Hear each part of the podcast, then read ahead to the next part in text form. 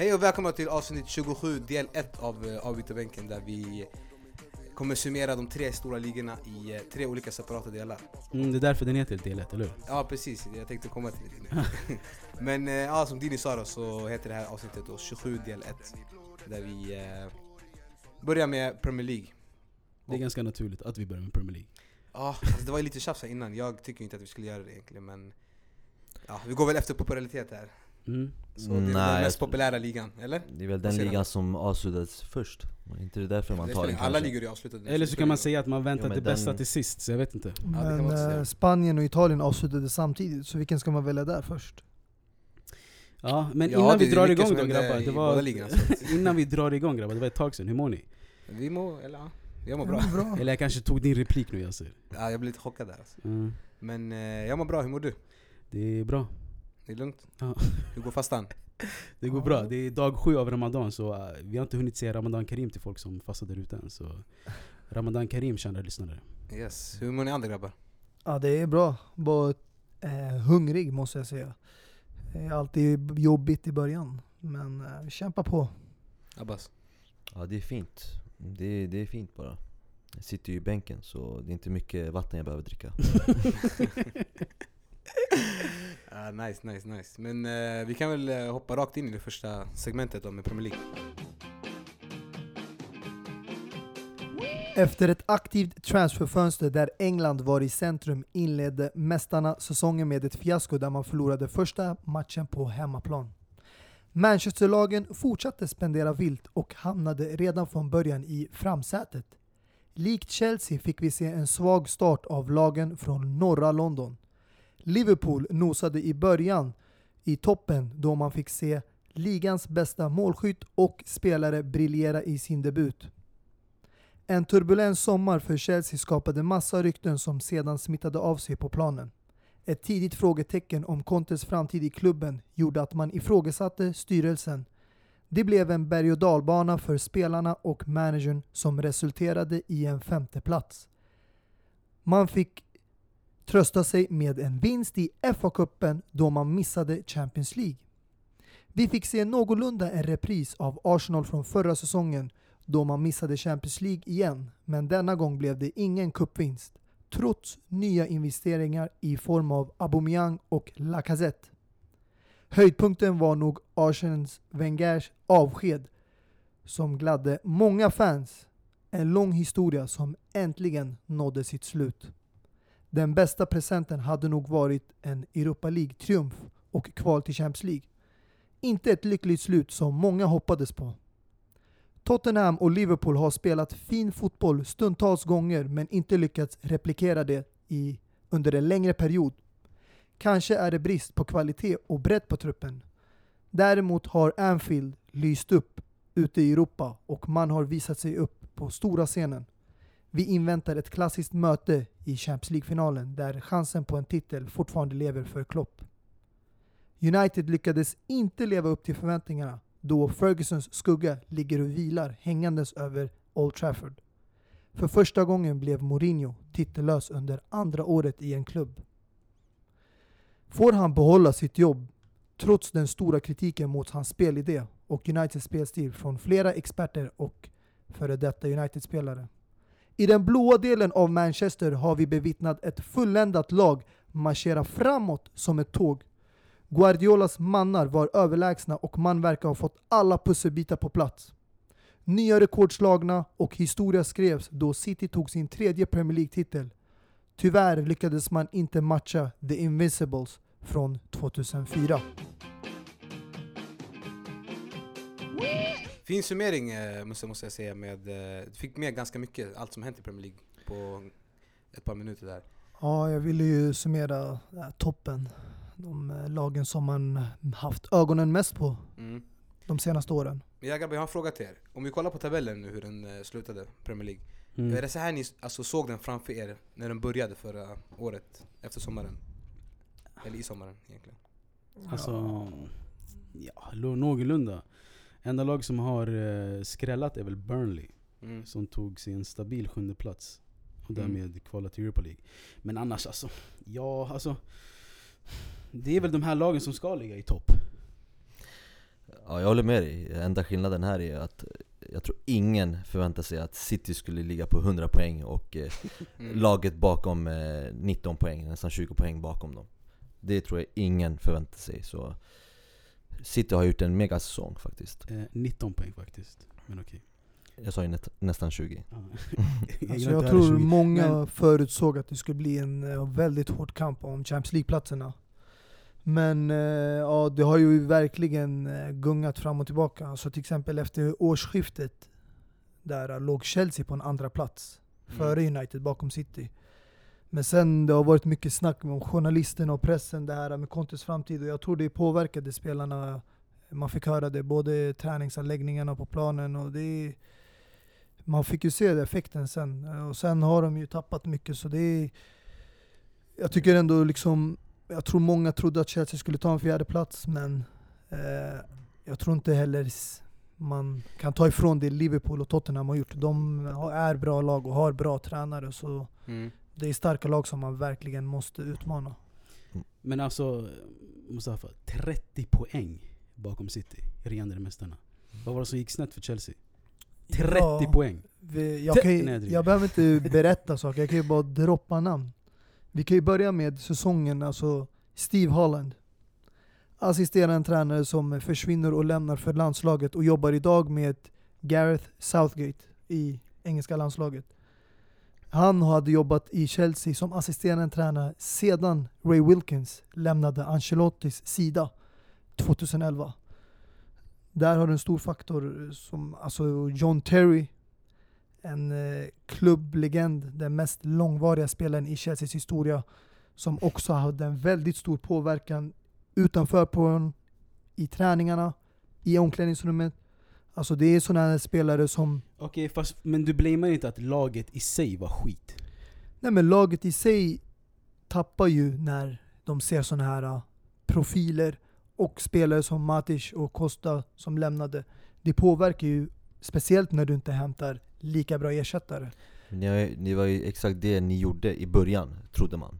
Tills att de här spelarna sket på sig och inte blev duktiga spelare. Jag tänker då Bakayoko och de här som eh, Morata och de här spelarna som inte har lever, levererat och inte levt upp till sin, eh, liksom till förväntningarna. Ja men det här är, Det är spelare väl, som är eh, unga, de har aldrig varit startspelare. Ja, det men är alltså, för jag, första jag, jag skulle köpa om du skulle säga ja, de här levde inte upp till förväntningarna, de har presterat skit och de har varit dåliga. Jag skulle förstå det, men att du blamear tränaren och säger att det, hans alltså, assisterande eh, försvann till något annat la, lag eller vad det var. Det är ju helt patetiskt för vad har assister- assisterande tränare med 30 poäng tapp att göra? Men, Jag ska du? säga till honom, låt mig bara svara den här frågan. Conte är i ett nytt land där han inte känner igen den engelska kulturen. När du har, det här berättade Conte själv, när han försökte övertala John Terry att stanna kvar, även om inte han skulle få mycket speltid. Han ville ha honom som en player coach roll, för att han vet vilken påverkan han har och han fick väldigt mycket hjälp av honom. Och spelare som John Terry, eller assistenten som Steve Holland, som är uppväxta i det här landet, Steve Holland som har coachat också våra akademilag, de känner igen den engelska kulturen, Premier League, de vet hur saker och ting fungerar. En italienare som är ny i ett land behöver det stödet. Han klarar inte av allting själv. Vem har han hämtat in? Han hämtar in sin bror som ersätter assisterande. Vem har han hämtat in istället för John Terry? En ledare. Även Cahill som hade kaptensbindeln när vi vann ligan sa själv John Terry är alltid kaptenen utanför plan och det är alltid vi, honom vi lyssnar på och ser upp till under halvtidsvila, innan matcherna, efter matcherna. Folk förstår inte innebörden, den här stora påverkan som de här har, även om inte de är delaktiga på planen. Jag förstår vad du menar, men eh, alltså, när du är så stort lag och har all pengar i världen och kan hämta vilken spelare du vill, liksom, likt Chelsea, så tror jag fan inte tränare behövs sådär mycket. Det är bara att ta Barcelona som ett exempel som har tappat Xavi, Puyol och de här stora eh, bärarna liksom, i laget, men ändå håller sig där uppe. Förstår du? Mm. Så Vi har just- pengarna. jag tror det här med tränare och sånt där är viktigt för de här mindre lagen som inte har tillräckligt med bra spelare. De behöver den här kärleken och den här drivkraften från eh, erfarna spelare eller ja, gamla, gamla spelare. Men får jag fråga en sak? Ni snackar om 30 poäng mellan eh, Chelsea och eh, Manchester City Men det är 19 poäng mellan Manchester United och Manchester City Så är det verkligen ett så stort alltså, Exakt, det är det jag menar, om du tänkte kollar på. det- Om ni alltså- kollar på mellan City och Alltså förlåt, du- mellan United och eh, Chelsea, det är bara 11 poäng Mm, Men anledningen varför jag betonade Chelsea, det är regerande mästarna det här. Ja. Exakt. Att Det, regerande mästarna ligger 30 poäng bakom. Alltså, det, precis. Fast det, jag tycker 30 året poäng, det är, det är inte en rättvis alltså, Ja men självklart, alltså, det är inte rättvist att se när City har marscherat så här som de har gjort, precis som Mustafa sa i sitt segment. Ja. Eh, att de har slagit rekord nu, tog Chelseas rekord på, Ja. vad hade ni för rekord Chelsea innan? hade 95, de Exakt. fick 100, de gjorde Ja. 107 mål på en. Nej förlåt, 106 106 mål. Ja. Chelsea hade gjort 103. Och de har målskillnad på plus 79. Och de, förlåt oss inte glömma bort också, 18 raka vinster. Inte ett, en enda oavgjord. Och det var Chelsea och Arsenal som hade på... Men, alltså, men, alltså, 13. men är, det, är det City som var för bra den här säsongen, eller är det, är det att det är resterande lagen som har presterat eh, rent utav sagt skit? Vet jag City, tror? City var för bra skulle jag säga Ja, exakt, nej alltså jag tror att, ja, exakt, City är bra, men jag tror de, att de slog här rekord, lagen, de slog ju rekord för en anledning de United slog flera rekord. Alltså United, Tottenham, Liverpool och Chelsea och Arsenal, de, här- det här är deras nivå. Jag tror inte de har underpresterat. Det var det jag trodde Exakt. förut. Men jag tror inte att de har underpresterat för de har gjort det här i för lång tid. Alltså du kan inte underprestera i en hel säsong.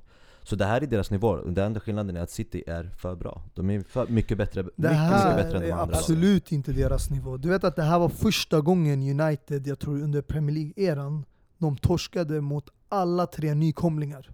Mm, det är det jag menar. Det har inte hänt förut och med Ferguson. mot eh, City, Chelsea, Liverpool. Exakt. Eh, Det här är inte vanligt. United är absolut inte eh, det laget på den nivån som man förväntar sig. Om du ska Alltså, jämföra med deras alltså, alltså United har ju slutat på den bästa placeringen sen Ferguson. Ferguson lämnade.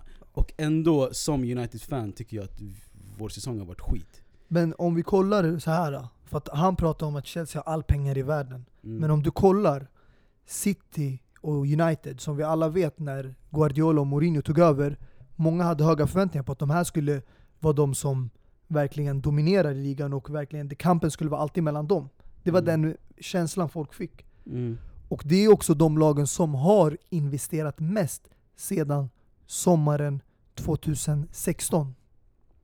Till skillnad från till exempel lag som Arsenal, de har gjort några enstaka värvningar. Detsamma gäller Liverpool och Tottenham. Och Chelsea som har också försökt ersätta många spel som de har lämnat. Men ändå är de över de här klubbarna på något sätt. Alltså United landade på en sjätte plats förra året.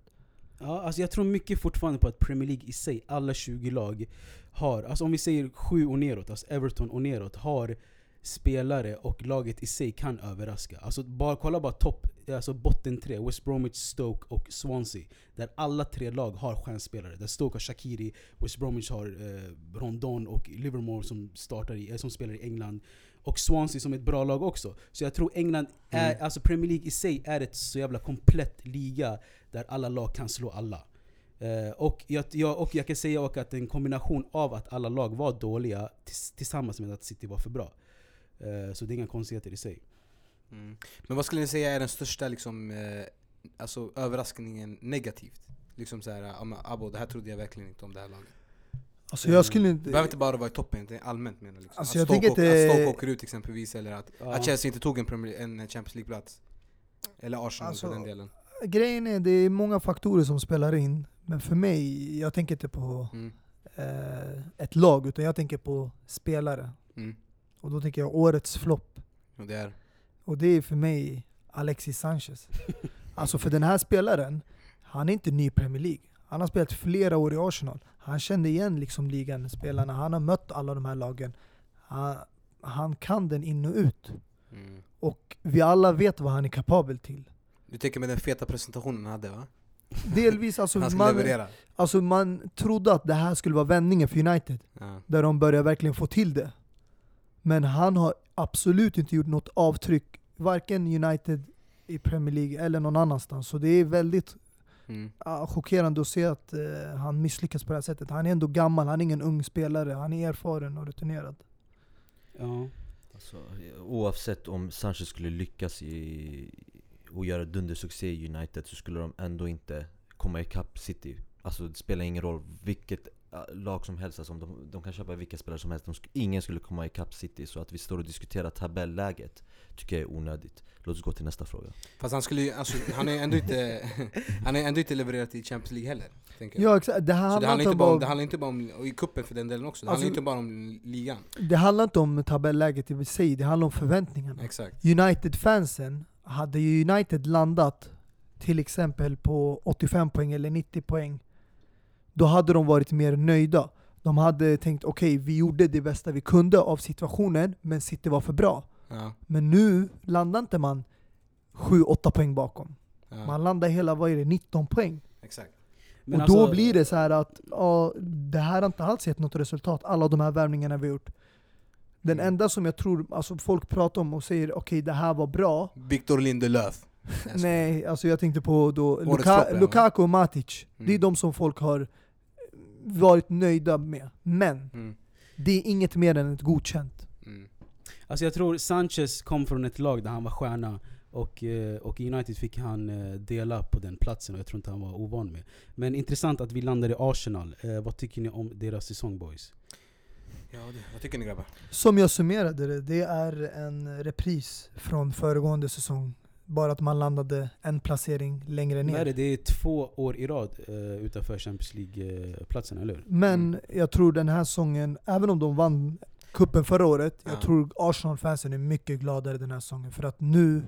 har de verkligen någonting att se fram emot nästa säsong.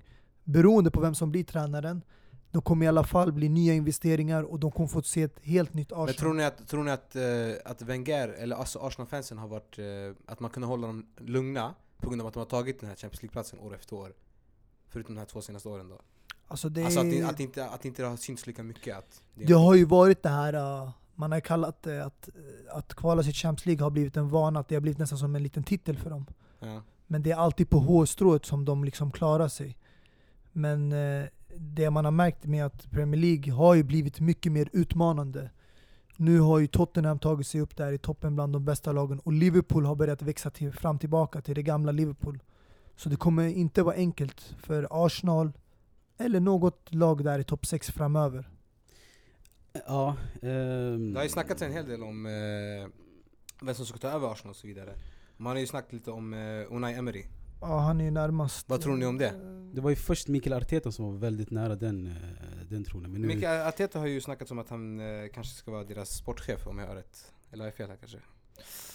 Ingen Vad ni aning. hör. Så- Alltså, han, I alla eh, fall, vad tycker ni om eh, valet, alltså när man har snackat om Luis Enrique och sådana Alltså- spel, tränare så hämtar man in Unai Emery. Alltså jag tycker Arsenal, eh, de, alltså de, de, de, fansen orkar inte med till mellanår. De behöver ett, alltså en Ja. stor tränare, ett stort namn Mm. eh, som kan lyfta på Arsenal direkt. Eh, och just därför, det är som, eh, vad heter han, eh, DT, han kända från Arsenal Fan TV, när han sa det. Eh, han bara 'Jag har inte hållit upp mina bandroller för att Mikael Arteta ska ta över Arsenal' Mm. Och med det sagt tror jag också att Arsenal behöver stor namn som tränare, men det finns inte så många att välja på. Alltså Unai Emery är ju en underskattad tränare, han tog ju Sevilla till Alltså, eh, tre raka Europa Ja, League-vinster. Så det är ju inte en dålig tränare, det är inte det jag menar. nej, men vi såg ju hur det gick för han i Champions League. Ja, med PSG. Med PSG, exakt, med det laget. Ja. Eh, så jag tror, alltså Arsenal behöver inte en, eh, en Unai Emery eller en Mikael Arteta. De behöver en, eh, en Carlo Ancelotti. En Massimiliano Allegri. Men jag tror jag vet, men jag är osäker på varför Allegri vill lämna sitt Juventus som har vunnit ligan nu sju år i rad och spelar Champions League för ett Arsenal som kommer spela Europa League. Mm. Kanske för att han vill ha, testa på lite nya utmaningar och så. Jag tycker du ska vara Eller- försiktig där med sitt Juventus, sju titlar. Ja men han har vunnit, vad är det, fyra själv, eller hur? Men det är Contes Men jag- Juventus, det är han som har byggt upp det där laget. Men Jag håller, jag håller med Dini alltså, om- för Arsenal skulle alltså hämta en erfaren tränare för Alltså helt ärligt, man ska vara väldigt försiktig med det här att man är jätteglad att Arsene Wenger lämnar för Hämtar man den, den här Emery eller någon annan erfar, oerfaren du, tränare så kan det på riktigt gå käpprätt åt helvete alltså för eh, man kan hamna i Championship på riktigt Ja exakt. ja, ja, alltså jag, Det är en skrälle på riktigt som jag tror på Championship, chilla. Men jag tror det är, alltså det är... Nej men jag är helt seriös alltså Och det enda så, om, om du hämtar en oerfaren tränare Ja. och det här sker Alltså det, det enda du kan göra som Arsenal-fan det är att hoppas på att eh, man köper in riktigt bra spelare som kan eh, höja liksom, Alltså. Tror, men- tror du att det där beror på vilken tränare man får in eller tror du det handlar om ledningen? Alltså ibland, Spelare. jag tror att du måste våga ta risken. Mm. Kolla Real Madrid. De anställde Zidane efter Benitez. Mm. Vad hade Zidane för erfarenhet? Ja, Han hade coachat. Real Madrid B-laget, Mm. men okej, man kan sitta och argumentera att Real Madrid har jättebra spelare. Men, Pelle, men. Pelle, men Pellegrini och Mourinho och Ancelotti samt Benitez som fick sparken. Alla de här tränarna coachade nästan likadant lag som eh, Zidane gjorde. Till skillnad från att de andra, eh, Ancelotti och Mourinho, hade en Xabi Alonso. Medan Zidane, han fick fram en otrolig Casemiro i den rollen idag. Så, men laget i sig är nästan likt. Alltså, de har bytt ut några spelare, Özil, Di Maria genom tiden, men den bästa spelaren fortfarande har alla de här tränarna coachat. Mm. Men ingen av de tränarna lyckats lika bra som Zidane. Mm. Så man kan inte sitta och säga att ja, bara för att du har bra spelare, du Mm. kommer inte kunna. Jag har hört mycket rykten om att de vill ha Viera Mm. som coachar nu, vad är det? Eller Henry. Eh. Exakt, New York City. Men han är ju ryktats att han är nära på att ta över Nice. Men jag hörde, vad heter han, DTs eh, kompanjon eller kollega ska jag säga. Eh, den andra killen, Troops. Ja, han var väldigt öppen för idén av Viera, men inte Arteta. Eftersom Viera, han har lite erfarenhet i bagaget. Han har coachat ett lag i USA, men han har ändå erfarenhet av att vara första tränare. Arteta, han har bara suttit vid sid, alltså sidbänken vid Guardiola. Okej, han har lärt sig mycket av Guardiola. Men jag tror inte han kan applicera det på ett lag som Arsenal som just nu har inte det bästa självförtroendet. Ja, en annan grym tränare som har eh, gjort succé minst sagt i Europa, så som du sa Mustafa också, det är Jürgen Klopp. Hur tycker ni deras väg har gått i Premier League? Liverpool. Alltså jag tycker innan ni, ni säger i kommentarer kan vi ju summera Liverpool med en enda låt. Sala, Sala.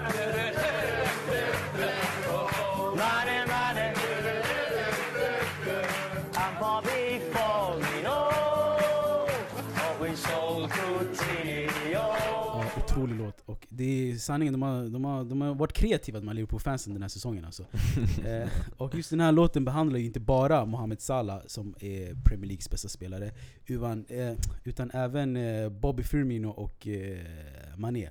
Och jag eh, vågar nästan sticka ut hakan och säga att eh, Bobby Firmino är nog min lite mer favorit än vad Salah var. För, för Firmino han gör det här du vet som jag älskar, det här bakom kulissen-arbetet, det här äh, falska nian-rollen där han sköter det så himla bra. Salah och Mané gör det här förutsägbara jobbet. Eh, och, och det här jobbet som alla älskar. Jag säger inte att, Mané, jag säger inte att, Salah, att, att Firmino var bättre än Salah. Jag menar bara att eh, Salah har fått, jag vill säga att Firmino har fått för lite cred över det arbete han gjort. Firmino med de självlysande tänderna. Men Abbas, eh, tappet av Coutinho till Barcelona, har mycket av det påverkat Liverpool? Både positivt och negativt?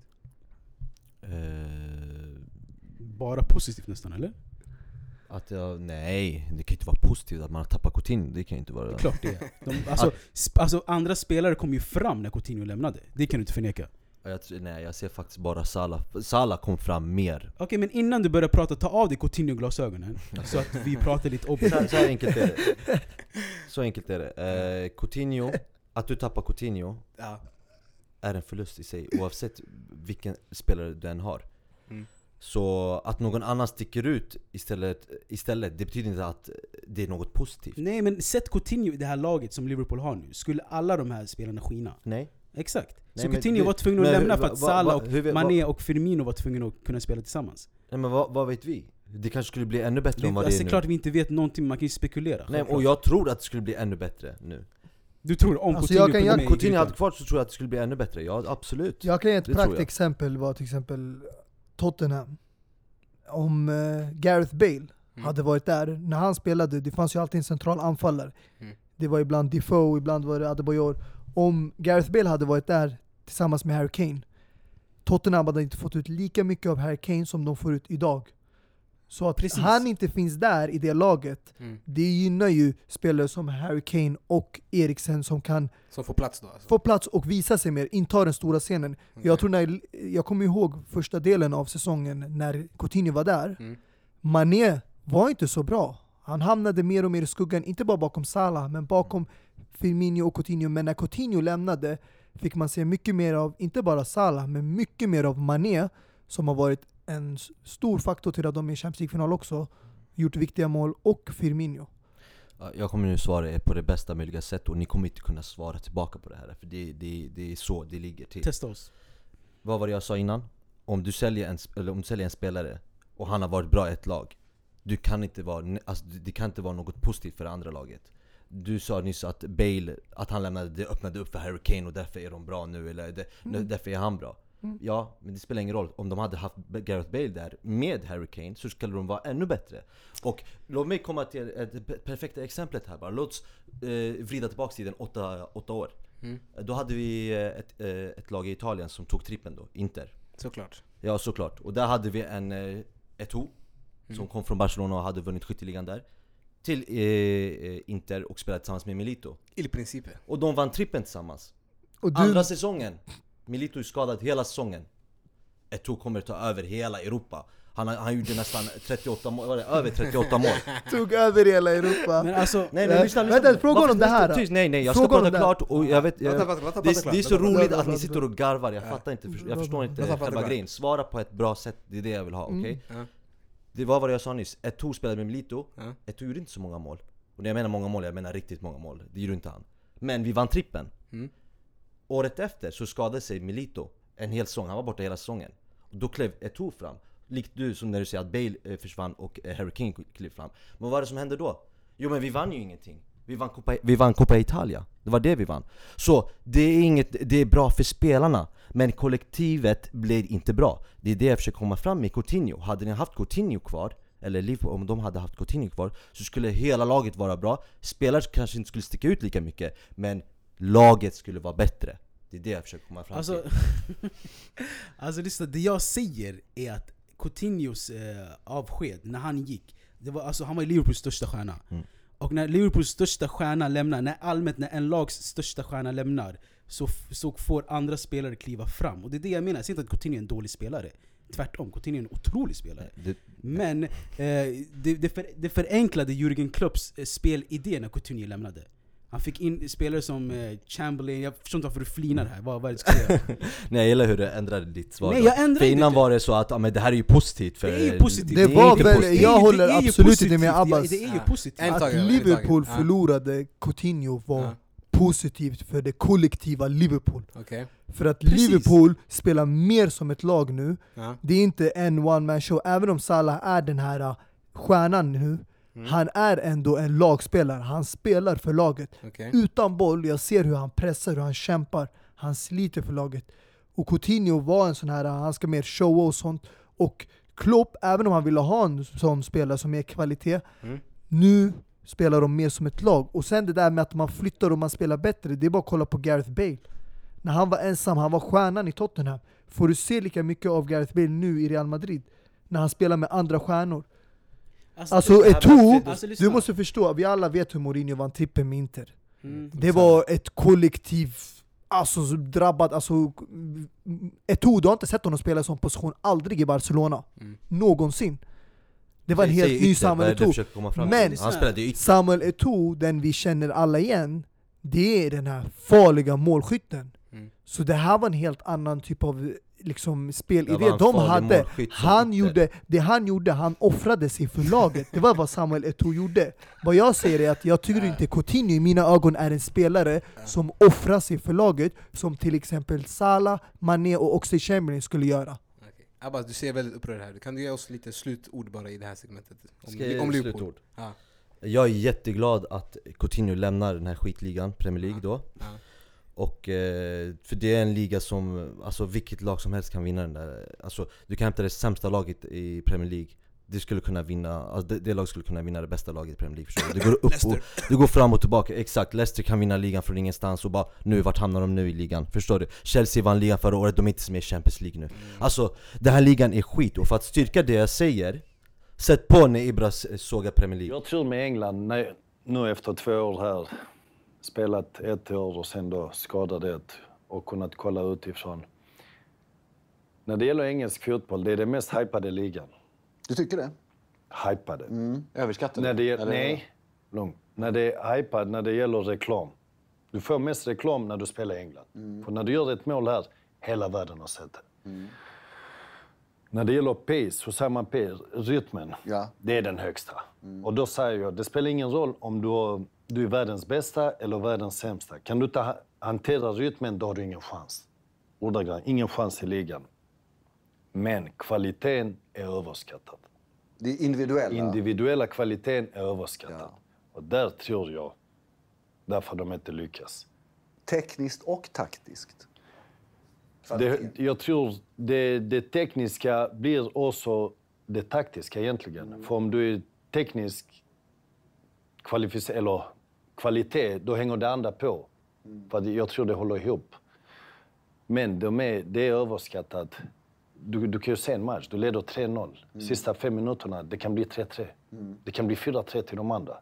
Jag menar 3-0 i Italien, eller 1-0. Matchen är död. I Spanien, matchen är slut. Så det är, här, den är inte slut. 1-0, sista fem minuterna. Det är så här, fram och tillbaka. Och så blir det individuella misstag som inte finns, som inte ska hända i de storlagen som man spelar i. Så den individuella kvaliteten är överskattad. Vilket jävla klipp Abbas, jag måste säga att det där är exakt så jag känner om, eh, om Premier League och eh, hypen de får runt sig Och det var så, så, så relevant alltså. Ja, alltså om inte du lyssnar på oss, lyssna på Zlatan som har spelat där och har spelat i alla ligor, förstår du? Och det är därför vi har ett lag i Champions League-finalen som är från England. Och sen för att svara på det här med individuella, jag kan hålla med en grej. Att hypen, reklamen, det är sant. Ett mål som görs, det syns i hela världen. Men att han sitter och säger 1-0 dör matchen i Spanien eller Italien. Man, jag har sett när Roma leder 1-0 mot Inter, de tappar det. Jag har sett när Milan leder mot Juventus, de tappar det. Det där är bara en skitsnack. Att storlag tappar i stormöten, det gör alla. Jag har sett individuella misstag i alla ligor. Att man kan ta upp sånt här äh, om individuella prestationer, kvaliteten och misstag i olika ligor, det händer överallt. Det spelar ingen roll om det är största laget i världen eller om det är den minsta klubben. Cristiano Ronaldo själv den här säsongen har visat framför mål, missat friläget, framför mål, öppet mål, lägen efter det. Och det här är en spelare som har en av, tillsammans med Messi, bästa avsluten. Misstag görs fram och tillbaka, det spelar ingen roll om du spelar i Real Madrid, eller om du spelar Osasuna, eller vart du spelar, om du spelar i eh, Kievo eller Crotone, eller om du spelar i Inter. Det är sån skitsnack från Zlatans håll, och jag tycker att han uttrycker sig så, känns det att bara för att han inte lyckades lika bra i den här ligan som han gjorde i La Liga och Serie A helt enkelt.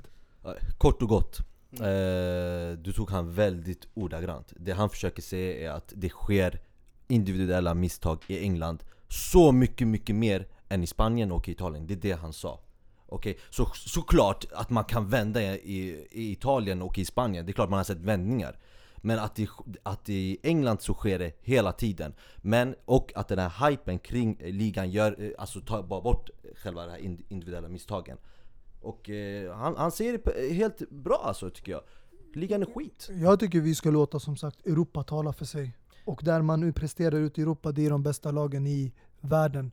När man gick vidare Och där fusk. kan vi då... Abbas? Jag hörde inte det När man gick vidare med fusk, eller? Håller inte du med mig där? mot Liverpool Italien, gick mot Roma fusk. Alltså, nu tror jag, jag tror alla i världen håller med om att Liverpool idag förtjänar att vara i Champions League-final. Eller Nej. vad säger ni grabbar? Vad tycker du? Jag frontar inte, jag säger bara Eftersom tycker ni du, är så petiga med domare men... Förtjänar och förtjänar, det, man kan inte förtjäna, man ska ju vara där för att man har tagit sig dit Och de har inte tagit sig dit. De har De gjort har det. tagit, jag har inte sagt någonting de Med har tagit fusk, sig dit. men eh, hade det här varit, hade det, hade det här varit Chelsea skulle vi, se, skulle vi aldrig se Mustafa Oj, i studion Mohamed idag. Salah Oj, oj, fuskade oj. till sig en I, Champions i, I League-final. nästa 2011, vi hörde fortfarande tills idag brorsan. Ja, exakt. God damn, it's a disgrace Men eh, grabbar, en sista fråga innan vi lämnar eh, den här eh, överskattade ligan i Zlatans egna ord Tänkte fråga er om eh, Stoke som nu åker ner till eh, andra divisionen och eh, ja, det är ju ett lag som är fullt med stjärnor. Alltså, de har ju bland annat de har ju Joe Allen om ni minns honom, de har ju eh, Ibrahim Afellay, de har ju eh, Shakiri, så har de Bojan och eh, Muniesa ute på lån. Vad tror ni om det här? Är det folk som är kvar? Kommer folk lämna? Oh, Bruno Martins Indy. Oj oj oj, det är mycket bra spelare. Jag tror många av dessa spelare kommer... Ryan Shawcross, fy fan vilket lag. Charlie Adam, Det är ju två Champions League-vinnare här. Glenn. Johnson, herregud. Steven Ireland, kommer ni ihåg honom? När City inte hade oljepengar. Ja. Ja, det han fanns med otroligt. där i början av bygget Att, också. alltså att det här är ett lag som ligger alltså, tvåa längst ner ifrån i Premier League, det är helt sjukt tycker jag. Men det är som sagt, de har ju floppat helt enkelt och de har också bytt tränare och två tränare har fått Peter sparken. Crouch! Bojan Kirkic! helt otroligt, men Bojan Kirkic, han han, han är men alltså just nu, Ja. ja. han är tillbaka till, på lån till Stoke nu. Allt som gör, men han kommer stanna. Ja jag vet, men bara, bara det, just nu har Ja. Stoke tre Champions League-vinnare. Det är helt sjukt. Tre! Mm. Det är sjukt alltså. Så uh, självklart kommer spelare lämna alltså. Shakiri kommer definitivt lämna. Uh, vilka mer? Jag tror en hel del spelare kommer lämna, men jag tror de tar sig tillbaka till Premier League ganska snabbt. Tror du? Alltså Championship, man ska inte underskatta den här Man ska inte alltså. underskatta det, Vi har sett hur det men... gått för Portsmouth Alltså att de tar sig tillbaka, det är ju en fråga i sig, men jag tänker kommer de, kommer de behålla sina spelare? Som de, har, de har ju jävligt bra Alltså, spelare. Aston Villa åkte ju ner förra året, Ja. men de är ju på väg tillbaka Jo, jo men tror de kommer behålla sina spelare i Stoke City? Inte allihopa. Jag tror veteranerna där, alltså jag tänker på Peter Crouch och de här lite, Ja. lite äldre spelarna, jag tror de kommer vara kvar för du får ju bra med pröjs där i, Ja. i, i England Jag tror inte de har något att lämna för heller alltså. Är det en Darren Fletcher Men alltså, jag tänker en Joe Allen liksom, eller alltså, Samma tror inte han har bättre alternativ än att spela där? Samma sak Just där. den, typen av spelaren, speltypen Ja. tror jag stannar kvar. Du tror det? den Men enda jag sp- tror de är individuella, sådana Ja. här som sticker ut. Shakiri, mm. eh, ja, Bruno Martins, Indy, Fan, de de, har här, tre, de har tre Barca-spelare där, det är helt de, sjukt alltså. de kan komma tillbaka alltså. Ja. Så jag tror de kommer gå tillbaka, men eh, ja, jag tänkte bara liksom, eh, det har ju varit mycket snack om Tottenham och deras eh, framgång de senaste åren. Mm. Och jag tycker inte man ska lämna det utanför, utan det bör understrykas att de har gjort eh, väldigt fina framsteg med Pochettino som tränare och att han har hämtat massa nya spelare, men det känns som att de behöver det här sista. Jag och Dini, vi har ju diskuterat förut att Tottenham är alltid där, men inte där. Mm. Och jag tror det krävs en stor värvning till. Som Liverpool gjorde med Van Dijk eller Mohamed Salah för att de ska nå det här sista. De, det känns som att de alltid varit där på gränsen till att utmana om ligan, vinna kuppen men de har aldrig lyckats. Men eh, de gör det som är nödvändigt att ha kvalat till Champions League. Så Ja. man kan inte säga att det har varit dåligt år för dem. Ja, jag håller med dig om att de står och stampar på samma ruta, men eh, spelare har de köpt. De har ju tagit in Lucas från PSG, de har tagit in Aurier från PSG också. Och, Sanchez som de eh, bröt rekord på. ja exakt, alltså, de har verkligen spenderat, men de, dessa spelare har inte levererat eh, någonting alltså. Så för Tottenhams del så är det viktigt att satsa och värva en riktigt bra spelare som passar in i deras system.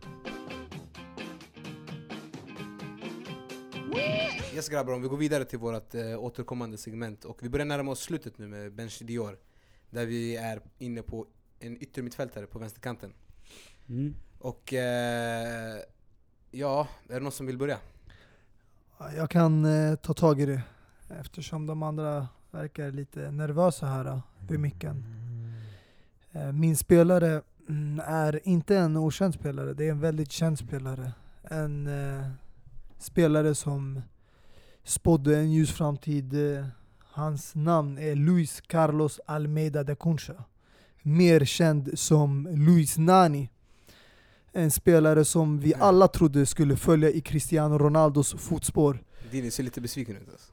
En spelare som jag trodde skulle bli, inte bara i Premier League, men en av världens bästa fotbollsspelare eftersom hans kropp, han var stor, han var stark, han var snabb, han var teknisk, han hade Bas. bra avslut med höger och vänster tvåfotad.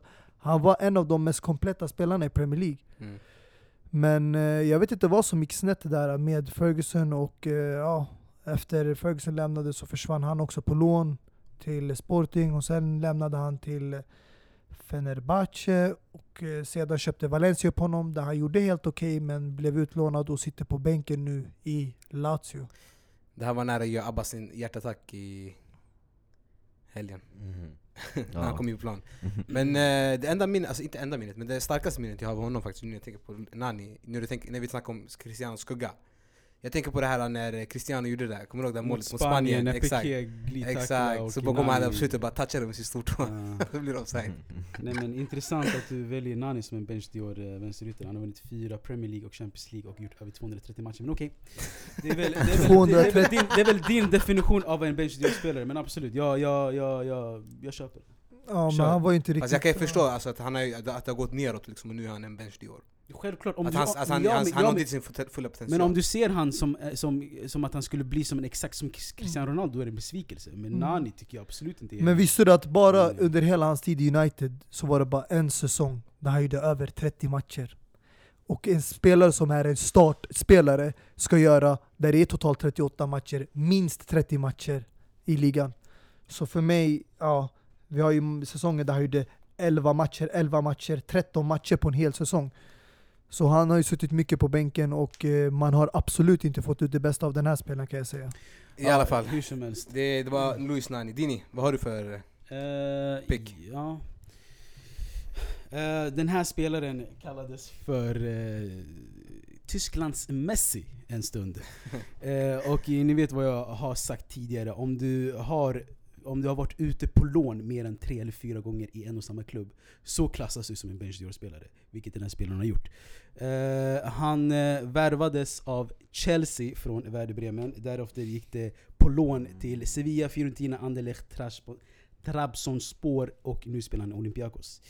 Jo, jag snackar om den 29-åriga Marco Marin som min bench spelare. Just det, han var Med den kralliga näsan. jättesnabb på Fifa. Ihåg. Mm, exakt, exakt. Jag måste säga att ja, det var inte en spelare som jag spådde ljus framtid i alla fall. Det är många nu för tiden som får namnen som den nästa Cristiano, nästa Messi. Jag kommer ihåg till och med när Kaká vann Ballon d'Or, det var spelare som sa Var är Javier Pastore? Nästa Kaká. Alltså han, alltså han debuterade ju i Tysklands A-landslag eh, 08 när han spelade i Det är många som har touchat det där landslaget. Eh, Bara haft foten inne. Men, men det är intressant att han fall, ska försvara för att han inte lyckades i Chelsea. Exakt. Men skitsamma, eh, det är i alla fall min eh, Yes. Marco Marin, Nani. Ja. Eh, det här blir inte svårt att slå. Abbas? Eller ska jag köra den kanske? Mm. Absolut.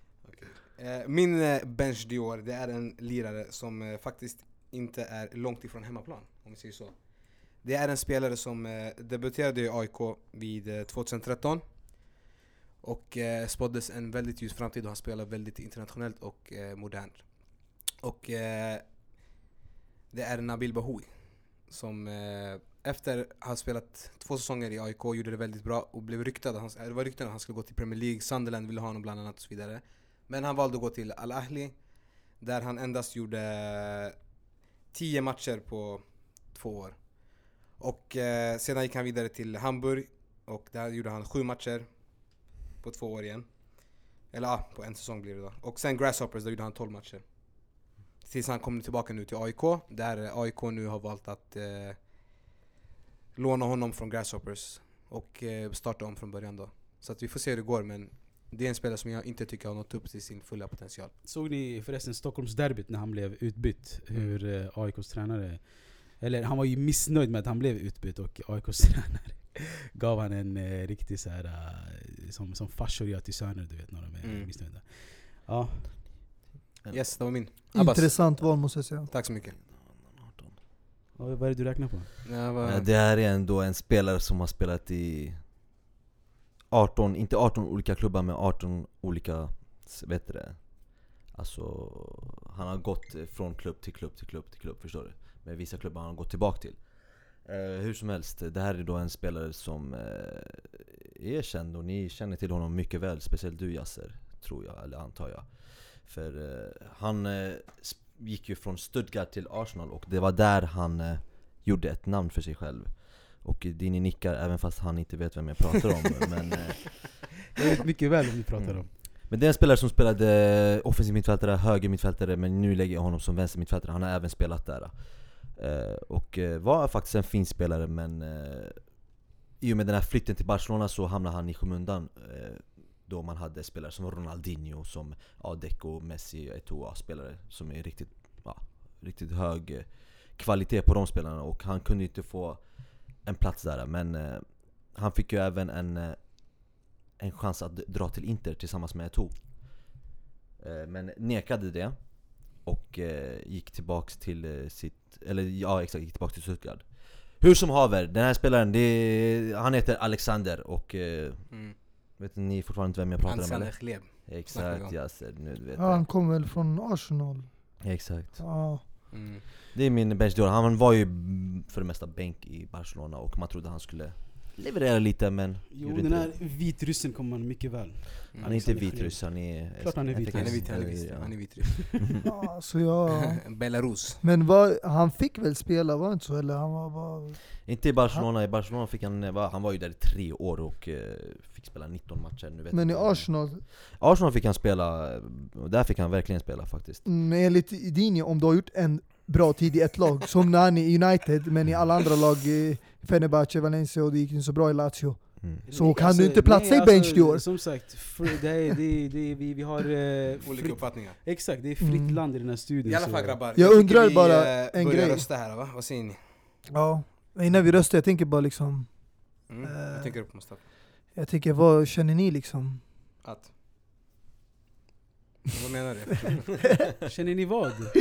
Ja alltså namnet Bench Dior, alltså jag tycker det är spelare som sitter i bänken som hade potential att Alltså, bli en av de handlar om- bästa i världen och vinna en Dior. För mig det handlar om att det, det är spelare som, som inte, alltså som har, liksom, de har inte nått upp till den potentialen som man alltid trodde att de hade och, och har hamnat på bänk, eller hamnat i liksom dåliga lag och så vidare. Det är för vad det betyder för mig. Exakt. Ja, exakt, jag Så jag ska vara ärlig, om jag ska vara ärlig, jag tycker inte att Nani är en bench Dior, och jag tycker inte att Kleb är en bench Dior heller.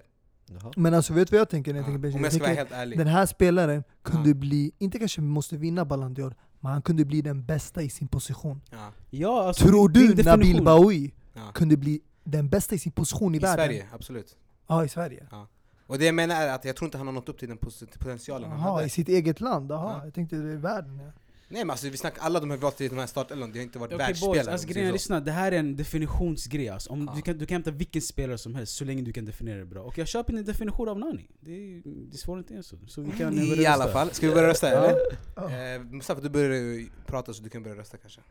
Ja, eh, jag kommer rösta på eh, Alexander Kleb. Jaså? Som hade en ljus framtid och Prata lite. verkligen höga förväntningar faktiskt. I, efter han lämnade Arsenal. Men Mm. ja, det gick bara neråt där. Intressant. Som det gjorde för Nani efter United. Dini? Eh, jag röstar på Alexander Kleb också. Mycket intressant. Jag röstar på Mark Marin. För jag tycker den, alltså inte för att jag tycker någon av era spelare var bra, men jag tycker det var det närmaste man kan komma. Abbas? Jag röstar på Alexander Chleb Det får du inte göra. Vad röstar du på Abbas? Eh, Ja men jag kör på... Du kan ju säkra din vinst här, eller så kan du ta det från Jag kör på Nabbe Det- då det- Exakt, Nabbe som spelade alltså 29 matcher på, eh, mellan 2015 och 2017 För att han var bänk eller skadad, det är en riktig bench Dior Med den potentialen, så du röstade helt rätt Abbas Ja, hur Det det, det, som alltså, det 2-2. röster... Va? Hur ser det 2-2. 2-2? Jag röstade på mig själv Ja just det. ah, nej, va? Ah, Nej jag driver bara exakt. ja. Så uh, Kleb vann väl? Klebman, Mm. Chleb Kleba Ja. Men eh, med det sagt, ska vi börja avrunda det här avsnittet? Det kan vi göra, och eh, hör du det som jag hör Dini? Ja, jag tror jag hör det. Bara dansar vidare Tack för oss, och vi är tillbaka med del två Yes. väldigt väldigt snart Så med sann engelsk anda så säger vi cheers mate! Cheers! Musiken är vår trognaste vän. Så vi gör horus med den. Checka moveselen. Har den i blodet sen. Det blir bor igen. Så normal vi fortsätter dansa. Barn börjar dansa innan första vokalen yeah. Innan go-go gaga. Och vi fortsätter tills Aina tar över haket yeah. Tills kissarna gör razzia. Svart klubb, det är massa rök i lokalen yeah. Fine grades alla alla dricker som Valhalla, mjöd i glasen är farligt galet. Kombinationer av toner som gör det magiskt. Inte misslyckat uppdrag men vi rör oss tillbaka Sen labba babba karnevalen tar över stan.